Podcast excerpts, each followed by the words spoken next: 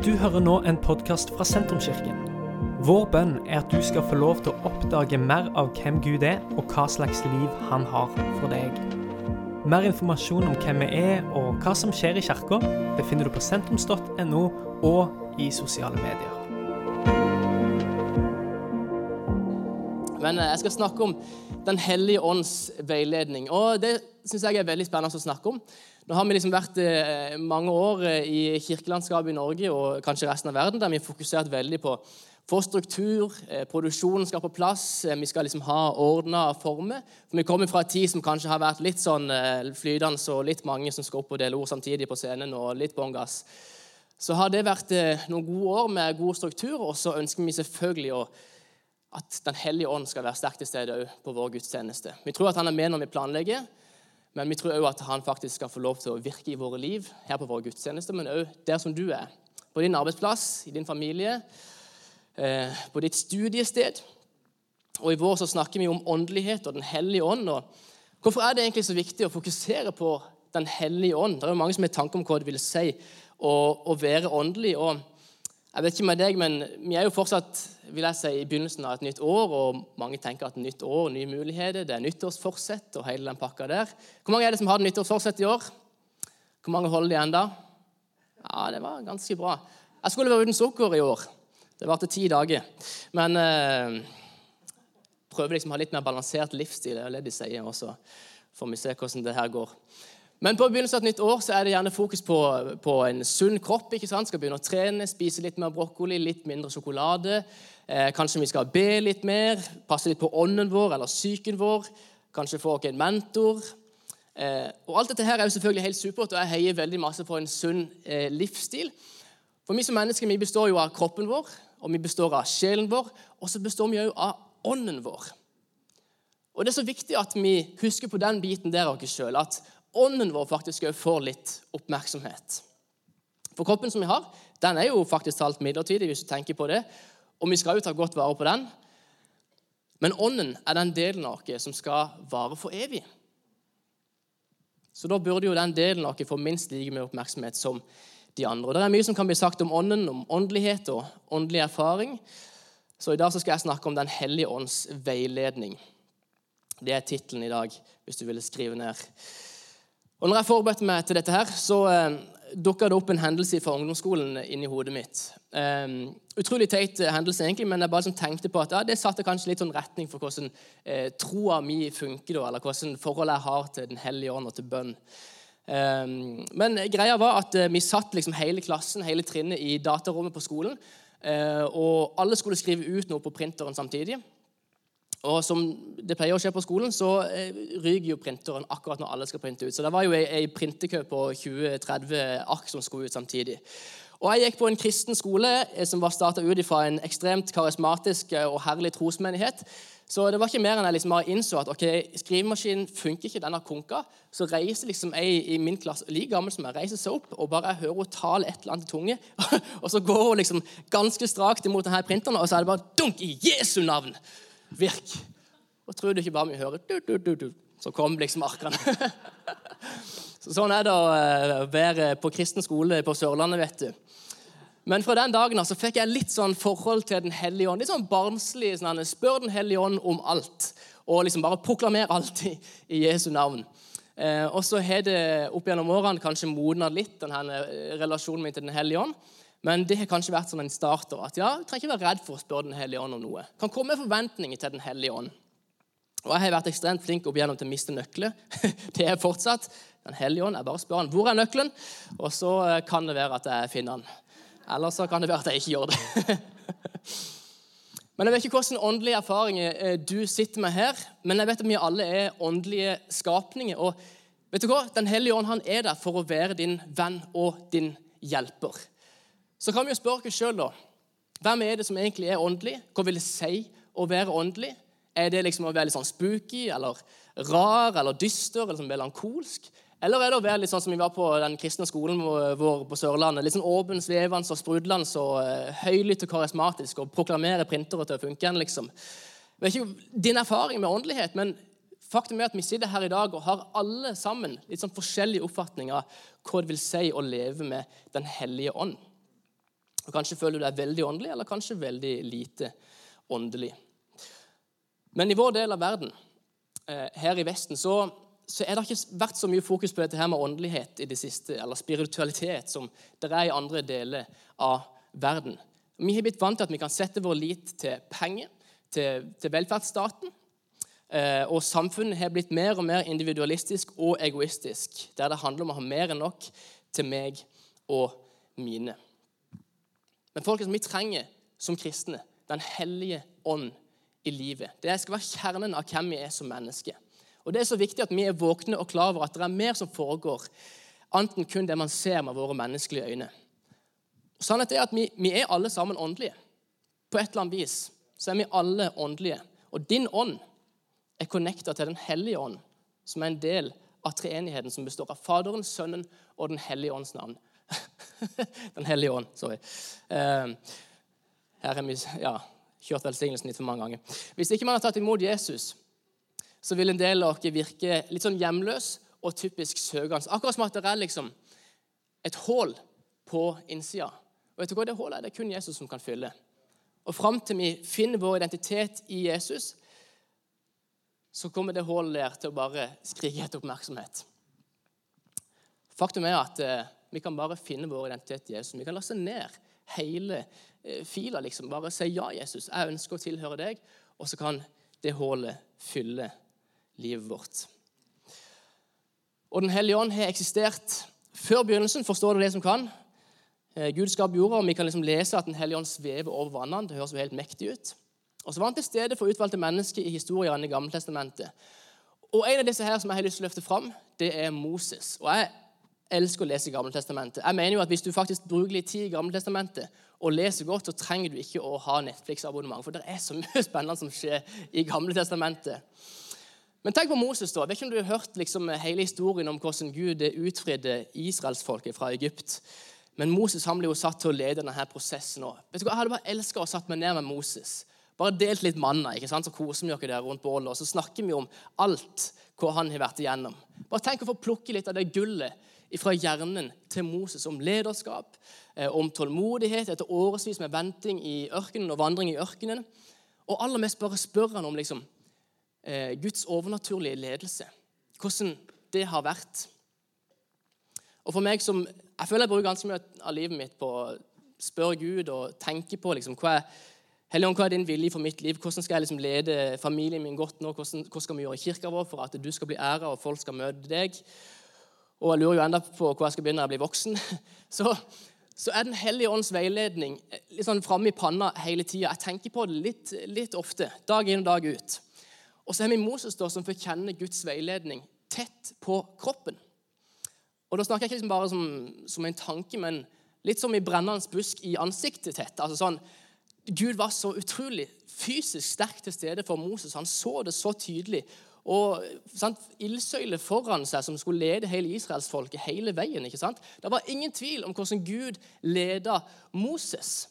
Han snakka med han etter å ha fanga oppmerksomheten hans med en brennende busk, og han sender han til Egypt med sånn steg for steg instruksjoner om hva han skal gjøre for å være et redningsredskap for Guds folk som var i slaveri. Og jeg tror at Guds kall for Moses det var sikkert ikke så lett, men det var ekstremt tydelig. Det var ikke vanskelig å forstå hva Gud ville med Moses. Nesten litt som å, som å følge en GPS. Og Jeg er veldig fan av GPS. en ekstremt stor fan av GPS. Eh, og så har jeg gifta meg med ei eh, som absolutt ikke er fan av GPS. Hun er veldig glad i geografi. Lisa, kona mi. Eh, og når vi ble sammen for eh, mange år siden eh, Nå har vi snart vært gift i ti år. Eh, så, så oppdager man ganske tidlig liksom, de tydelige irritasjonsmomentene som kan være i et parforhold. Og For meg så oppdager jeg veldig fort at eh, Lisa sitt eh, manglende behov for GPS det ble en stor deal for meg. liksom, at Hvorfor kan vi ikke bare bruke GPS? Altså når Vi skal, finne, vi skal hente en ting hun har kjøpt på Facebook, eh, og så må vi liksom ikke bruke GPS, og vi skal kjøre liksom, til en by vi ikke har vært i før, og så skal vi kjøre rundt et nabolag med liksom, eh, rekkehus som har eh, sant, eh, Toppveien 4, A, D E og F og G. Liksom, hele pakka. Og så Nei, vi skal ikke bruke GPS. Og når vi kommer liksom tredje, til tredje, tredje ganger i den samme rundkjøringen til det samme treet, da kjenner jeg bare Lisa, nå. nå, må- nå tar jeg på GPS-en. Uansett hva du sier. Nå skal den GPS-en på. Men så er det meg i andre enden av skalaen. Eh, kanskje litt ekstrem. Hvis jeg skal kjøre til Alta fra Farsund, så er GPS-en på før jeg har kjørt ut av tunet. Jeg vet jo liksom veien ganske, ganske langt ut av Sørlandet, i hvert fall, liksom litt oppover landet. Jeg skjønner vi skal oppover. Men, men GPS-en den er på før jeg er ute av tunet. Jeg sjekker ikke engang om han har valgt beste rute. Jeg bare, jeg bare kjører, og så stoler jeg på han. Det er jo egentlig Noen ganger så funker det, noen ganger så gjør det ikke. Eh, En gang meg og Lisa, når vi bodde i Australia for mange år siden, så skulle vi få besøk av familie eh, der i Sydney. Og Vi kjørte vår bil ned, og så skulle vi hente en bil til. Så vi skulle kjøre to biler tilbake igjen ut av Sydney. Og Avtalen var liksom at familien som var på besøk, de skulle oppleve at vi kjører over eh, Harbour Bridge hvis du har vært i Sydney. For da kan du, liksom, du kan se operahuset, du kan se havna. Veldig fint. Lisa kjører én bil, jeg kjører en annen bil. Jeg kjører med GPS, selvfølgelig. Lisa kjører uten GPS. Eh, for hun husker sånn cirka hvor man skal kjøre. Eh, jeg tar på GPS-en. Jeg stoler bare på at den har full kontroll. Og vi guttene som kjører den ene bilen, vi kjører liksom på sida av Lisa som kjører den andre bilen. og Vi kjører ganske liksom tett i tett fram til vi nærmer oss brua, og vi ser brua. Og idet vi liksom kjører mot brua, så bare innser jeg at OK, nå er vi på vei nedover. Og du er på vei oppover, Lisa. Hvordan går det her? Og så blir det mørkt. Ja, det var en tunnel her. Under. Det visste jeg ikke. Jeg fulgt GPS-en, har valgt det raskeste rute. Vi gikk glipp av det Gud hadde for oss på Harbour Bridge. Lisa de så det. De eh, fikk oppleve den fantastiske utsikten. Oi, oi, oi. Jeg vet egentlig ikke hva jeg ville med det eksempelet, men eh, jeg bare tenkte på GPS-en når jeg snakker om Moses. ja. Men sant, det er ingen tvil om hvordan Gud leder Moses, om det var med GPS eller ikke. det vet jeg, men altså den, Vi leser forskjellige historier. For eksempel den mirakuløse eh, krysninga i Rødehavet. Havet åpner seg. ikke sant? De kan gå tørrskodd igjennom. Det er bare sånn ekstremt tydelig at ok, Gud vil at vi skal gå her. Det har ikke skjedd før. altså, Det er en vei midt gjennom havet. Vi går her, det er greit. Eh, Og Vi kan lese det under noe som står eh, i andre Mosebok. Vi skal få det på skjerm. Og Herren gikk foran dem, om dagen i en skysøyle for å vise dem veien, om natten i en ildsøyle for å lyse for dem. Slik kunne de gå videre både dag og natt. Skysøylen vek ikke fra folk om dagen, og ildsøylen ikke om natten. Og Jeg er ekstremt stor fan av ChatGPT, så jeg har spurt ChatGPT hvordan, liksom, hvordan ser teknologien for seg dette her. Det er jo ganske mektig. Jeg er ganske sikker på at det var nøyaktig sånn det var. Jeg stoler altfor mye på ChatGPT. Denne talen er egentlig skrevet av ChatGPT, bare så dere vet det, så vi får se hvordan dette her går. Nei, men sant, Det er jo ganske mektig. Du har en, sky, altså en ildsøyle foran deg som, som eh, viser vei. Og Når de vandrer til neste leir om dagen i, i sånn brennende ørkensol, så, så sørger Gud for ei sky som ga de skygge oss for å styre de videre. Og i iskalde, eh, mørke ørkenetter sånn som her, så sørger Gud for en ild for å varme de og lede de videre. Da var det ikke bare et bål, men det var en mektig ildsøyle. Og Israelsfolket sin ekstreme tilværelse blir jo da på en måte Guds mulighet til å ta vare på dem og være tydelig for dem at han var alvorlig med dette. her. Han mente alvor. Og selvfølgelig så var jo skya og ilden aldri meint til å være en sånn permanent eh, greie. Og Guds veiledning til sitt folk før Jesus kom, den var alltid midlertidig. Fra før begynnelsen så hadde Gud sin ultimate plan. Men så ser vi jo da at det skjer et skille når Jesus dør på korset. Og her blir det ekstra relevant for meg og deg i dag. For Jesus han hadde vært nær sine venner eh, mens han var på jorda, og de var engstelige for at han skulle forlate dem. Men Jesus lover dem en venn og hjelper. Og Vi leser i Johannes kapittel 16. Ennå har jeg mye å si dere, men dere kan ikke bære det nå. Men når sannhetens ånd kommer, skal han veilede dere til hele sannheten. For han skal ikke tale ut fra seg selv, men si det han hører, og gjøre kjent for dere det som skal komme. Og Under pinsefesten så opplevde Jesu disipler noe som sannsynligvis minner de kanskje om Moses og folket som vandrer gjennom ørkenen, nemlig vind og ild. Og Det skal vi også få på skjerm. Apostelgjerningen kapittel 2, vers 2-3. Plutselig lød det fra himmelen som når en kraftig vind blåser, og lyden fylte hele huset hvor de satt. Tunger som av ild viste seg for dem, delte seg og satte seg på hver enkelt av dem. Så disiplene og alt Guds folk etter dem, vi som er her i dag i kirka her i Sandnes, vi har fått faktisk talt noe langt bedre enn skyene eller søyler av røyk og ild. Og Vi kan jo på en måte se dette her bildet vi hadde på i stad, og bare tenke fy søren, tenk så greit, Gud, om du bare hadde gitt meg en ildsøyle i livet. sant? Du står og lurer på hvilken skole du skal gå på. altså bare Ilden lander oppå vågen. Det er ikke noe tvil. liksom, sant? Det er helt tydelig. Tenk så greit hvis det var en sånn ildsøyle eller ei sky liksom, som gikk foran og alltid viste vei. Men vet du hva? For mens Moses ble ledet av Gud gjennom søyle av røyk og ild, så har vi faktisk talt fått Den hellige ånd på innsida. Den samme pilaren av ild som leder Moses, den bor i oss. Har ikke du tenkt på det? At Når vi sier ja til Jesus, når vi sier ja, Hellige ånd, jeg ønsker, jeg ønsker å leve et liv med deg, så har vi Den hellige ånd på, sida, på innsida.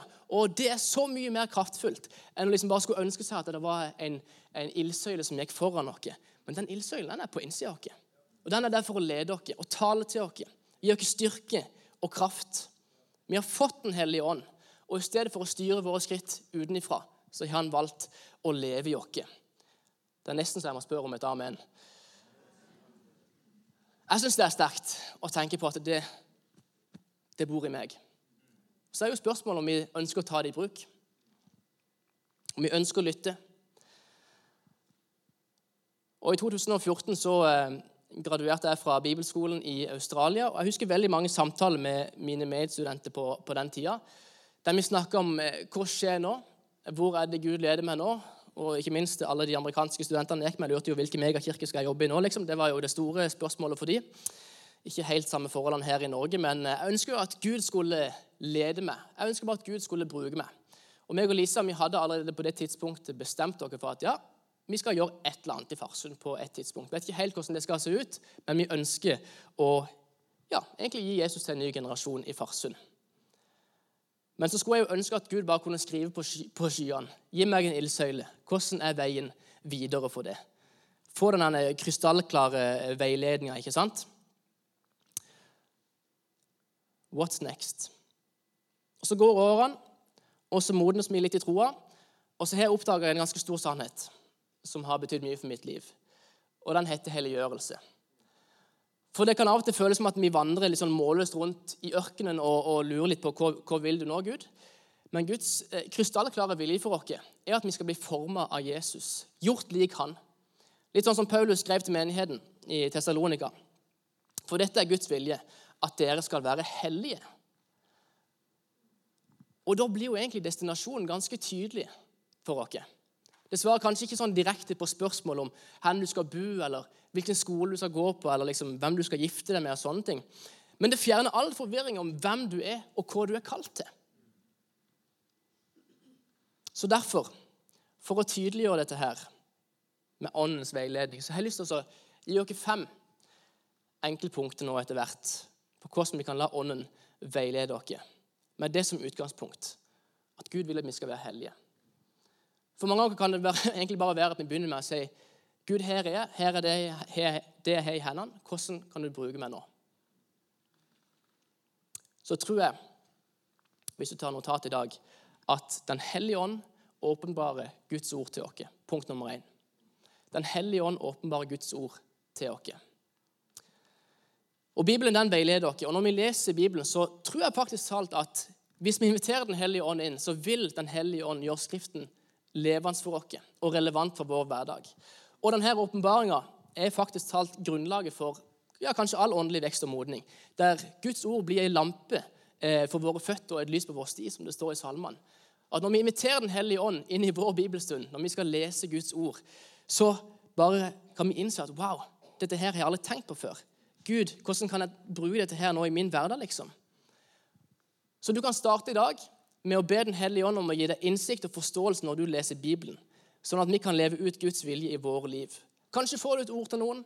Kanskje kommer det liksom et navn opp i hodet ditt når du leser Bibelen.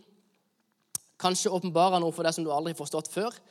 Og når du lager en god rytme for bibellesning og inviterer Den hellige ånd til å åpenbare Skriften for deg eh, mens du leser den, da tror jeg du kommer til å oppleve en ganske merkbar endring i livet ditt.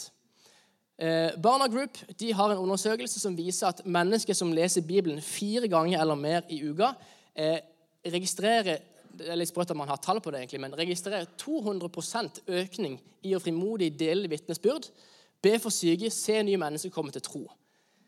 Fire ganger i uka eller mer, så ser man en helt dramatisk økning i vår frimodighet. Fordi at vi blir fylt med en helt annen kraft og visdom til å gå ut der som vi er. Dette er dramatiske tall, folkens. Så Den hellige ånd åpenbarer Guds ord til oss. Punkt to er at Den hellige ånd viser deg synd i ditt eget liv. Og Det står i Guds ord at dere skal få kraft, og den kraften er faktisk talt til deg, til oss. Den dårlige samvittigheten eh, for noe du vet er galt, det er faktisk talt ut av Guds kjærlighet for oss. For han vil det beste for oss. I Romerne 5 eh, kan du lese enda mer om det. Eh, men Den hellige ånds rolle i å overbevise oss om synd den er avgjørende faktisk talt for jeg vet ikke om jeg kaller det for vår åndelige helse, rett og slett. Og vekst. Og denne overbevisninga er ikke meint til å fordømme oss, men for å føre oss til omvendelse og helbredelse. For gjennom Den hellige ånd så blir vi bevisst på områder i livet vårt som ikke ærer Gud, og som ikke er til hjelp for oss sjøl òg. Så ofte jeg bare liksom prøver å unngå Gud litt og ha ting i livet mitt som egentlig ikke ærer Han, så tenker jeg at det er fordi jeg syns det er digg sjøl. Men det er jo ikke det. Det er bare skadelig og ødeleggende. Og Gjennom Den hellige ånd så blir vi bevisst på områder i livet vårt som trenger Guds forvandlende nåde. Og Dette her indre vitnesbyrdet fra Den hellige ånd fungerer som et speil. Og Det avslører sannheten om våre handlinger, våre motiv, vår tanke. Det står i Hebreerne kapittel 12, vers 10. For fedrene viste oss til rette bare en kort tid, og slik de selv synes var best. Men han gjør det til vårt beste, for at vi skal få del i hans herlighet. Gud gjør det til vårt beste. Og Det å respondere på Den hellige ånds overbevisning med omvendelse, å vende seg vekk fra det som ikke ærer Gud, det fører til fornyelse og Jeg tror faktisk alt det gir rom for at Gud kan bare fylle deg med ny kjærlighet for deg sjøl og for menneskene rundt deg, sånn at han kan forme oss på ny. Så Den hellige ånd viser deg synd i ditt eget liv. Og nummer tre, Den hellige ånd leder deg òg til gode gjerninger. Før vi blir frelst, iallfall meg sjøl, så handla livet mitt veldig mye om meg sjøl. Men når jeg blir frelst, så skjønner jeg jo at ok, livet det handler egentlig for min del mye mer om andre. Og Jesus sier at dere skal være mine vitner i Jerusalem og i hele Judea, Samaria og helt til jordens ende. Og Den hellige ånd skal gi dere kraft til å velsigne og til å lede andre mennesker. Ja, Vi har jo en personlig relasjon med, med Jesus. Den er mellom deg og, deg og, Jesus, men det stopper jo ikke der. ikke sant? Profetier, ord til andre, bønn, forbønn, be om helbredelse. Det ligger helt i kjernen av oss at det skal handle om andre og gi det vi allerede har fått videre. Og Kanskje skal vi være så barnslige i troa vår at vi i ukene som kommer nå, når vi er tilbake på jobb i morgen, skal be Den hellige ånd om å gi oss frimodighet. At han skal gi oss kraft. Han skal gi oss visdommen som vi trenger. som vi kan dele i vitnesbyrdet vårt for folk. Eller kanskje vi kan til og med legge hendene på noen på arbeidsplassen vår eller der vi går på skole, eller i familien vår. For jeg tror at Den hellige ånd gir oss alt vi trenger. Det vi av og til kjenner på innsida at vi har lyst til å gjøre, men egentlig ikke tør, Vet du hva? Den hellige ånd han er der for å hjelpe deg med akkurat det. Og i kirka òg. Tenk om vi som kirke kom hver søndag til gudstjeneste forberedt i ånda, klar for å gi istedenfor å bare få. Istedenfor å høre en tale og høre fin musikk, så kan vi faktisk talt la oss bruke når vi er på gudstjeneste. Vi kommer fylt opp allerede bare for å være med og gi. Da kan vi be til Gud. Hvem kan jeg legge hendene på i dag på denne gudstjenesten? Hvem kan jeg be for? Gud, har du et ord for noen her i kirka i dag? Gud, bruk meg. Gud, led meg. Vet du hva? Da er det sterkt når vi samles. Da er Gud midt iblant dere. Og det er ingen bedre plass i hele verden å bruke de åndelige gavene som vi har blitt gitt, bruke Den hellige ånd, enn når vi samles som Guds menighet. Det er helt fantastisk. Og punkt nummer fire Gud sorry, Den hellige ånd gir oss visdom i valg. Og Vi lever i en kompleks verden med uendelige valg og avgjørelser som må tas eh, daglig. Eh, og Statistikken viser faktisk talt en økende tendens til beslutningsparalyse, spesielt blant unge voksne. Vi vet ikke lenger hva vi skal gjøre. Så blir vi bare sittende der og så venter vi på at noen andre skal ta valget for oss. Det er jo helt krise. Men Bibelen lærer oss at Den hellige ånd er en kilde til visdom for de som søker. Og Det står i Jakobs brev, tror jeg, kapittel 1, vers 5, at hvis noen blant dere mangler visdom, så skal han be til Gud, som villig og uten å bebreide gir til alle. Og Dette verset her antyder at visdom er tilgjengelig for oss gjennom bønn eh, og òg en åpenhet mot Guds veiledning.